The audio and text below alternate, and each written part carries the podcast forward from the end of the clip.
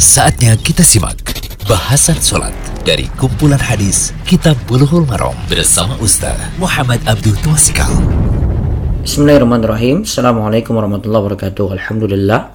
Wassalatu wassalamu ala rasulillah wa ala alihi wa sahbihi wasallam. Kali ini kita berada di audio ke-77 dari pembahasan kitab Bulughul Maram karya Imam Ibnu Hajar Al-Asqalani, kitab salat bab al-masajid, bab seputar masjid.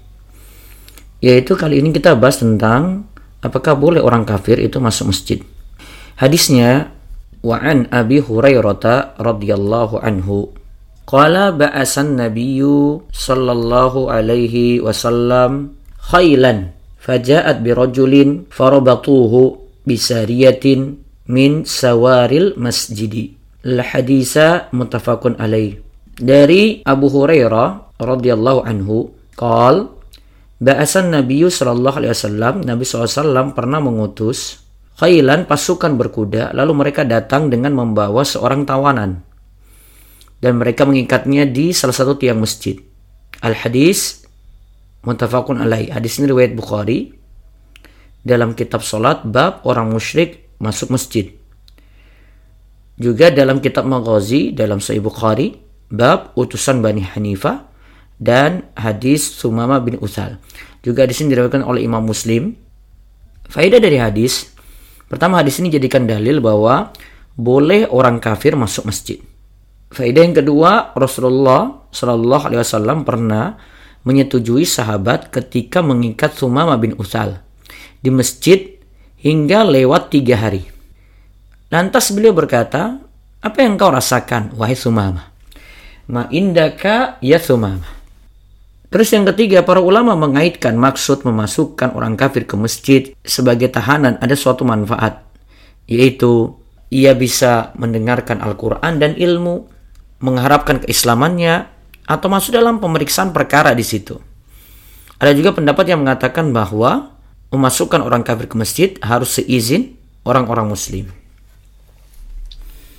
Terus yang keempat, ada pendapat yang lain yang menyatakan bahwa orang kafir boleh masuk masjid mana pun kecuali Masjidil Haram. Hal ini karena beralasan orang musyrik itu najis badannya berdasarkan ayat Ya ayyuhalladzina amanu innamal musyrikuna najasun fala yaqrabul masjidal haram. Hai orang-orang beriman, sesungguhnya orang-orang musyrik itu najis maka janganlah mereka mendekati Masjidil Haram. At-Taubah ayat 28. Kemudian yang kelima, pendapat terkuat dalam masalah ini, orang kafir boleh masuk masjid jika memandang terdapat maslahat.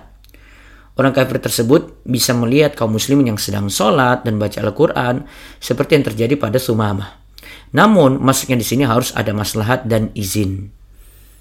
Terus yang keenam, hendaklah yang membangun ini kaitannya lagi kata Syekh Abdullah Fauzan ya yang membangun dan meletakkan batas masjid adalah orang muslim bukan orang kafir artinya dalam pembangunan masjid orang-orang muslim yang ngurus karena orang muslim masih bisa mengurus hal ini walau ada yang beralasan orang kafir itu lebih terpercaya ingat Allah berfirman wala abdun mu'minun khairum min musyrikin walau a'jabakum sesungguhnya budak yang mukmin itu lebih baik dari orang musyrik walaupun dia menarik hatimu. Al-Baqarah ayat 221. Ayat ini menegaskan bahwa pekerja muslim tetap lebih baik daripada pekerja non muslim. Wallahu taala a'lam. Allah yabarik Demikian bahasan solat dari kumpulan hadis Kitab Bulughul Maram bersama Ustaz Muhammad Abdul Tuasikal.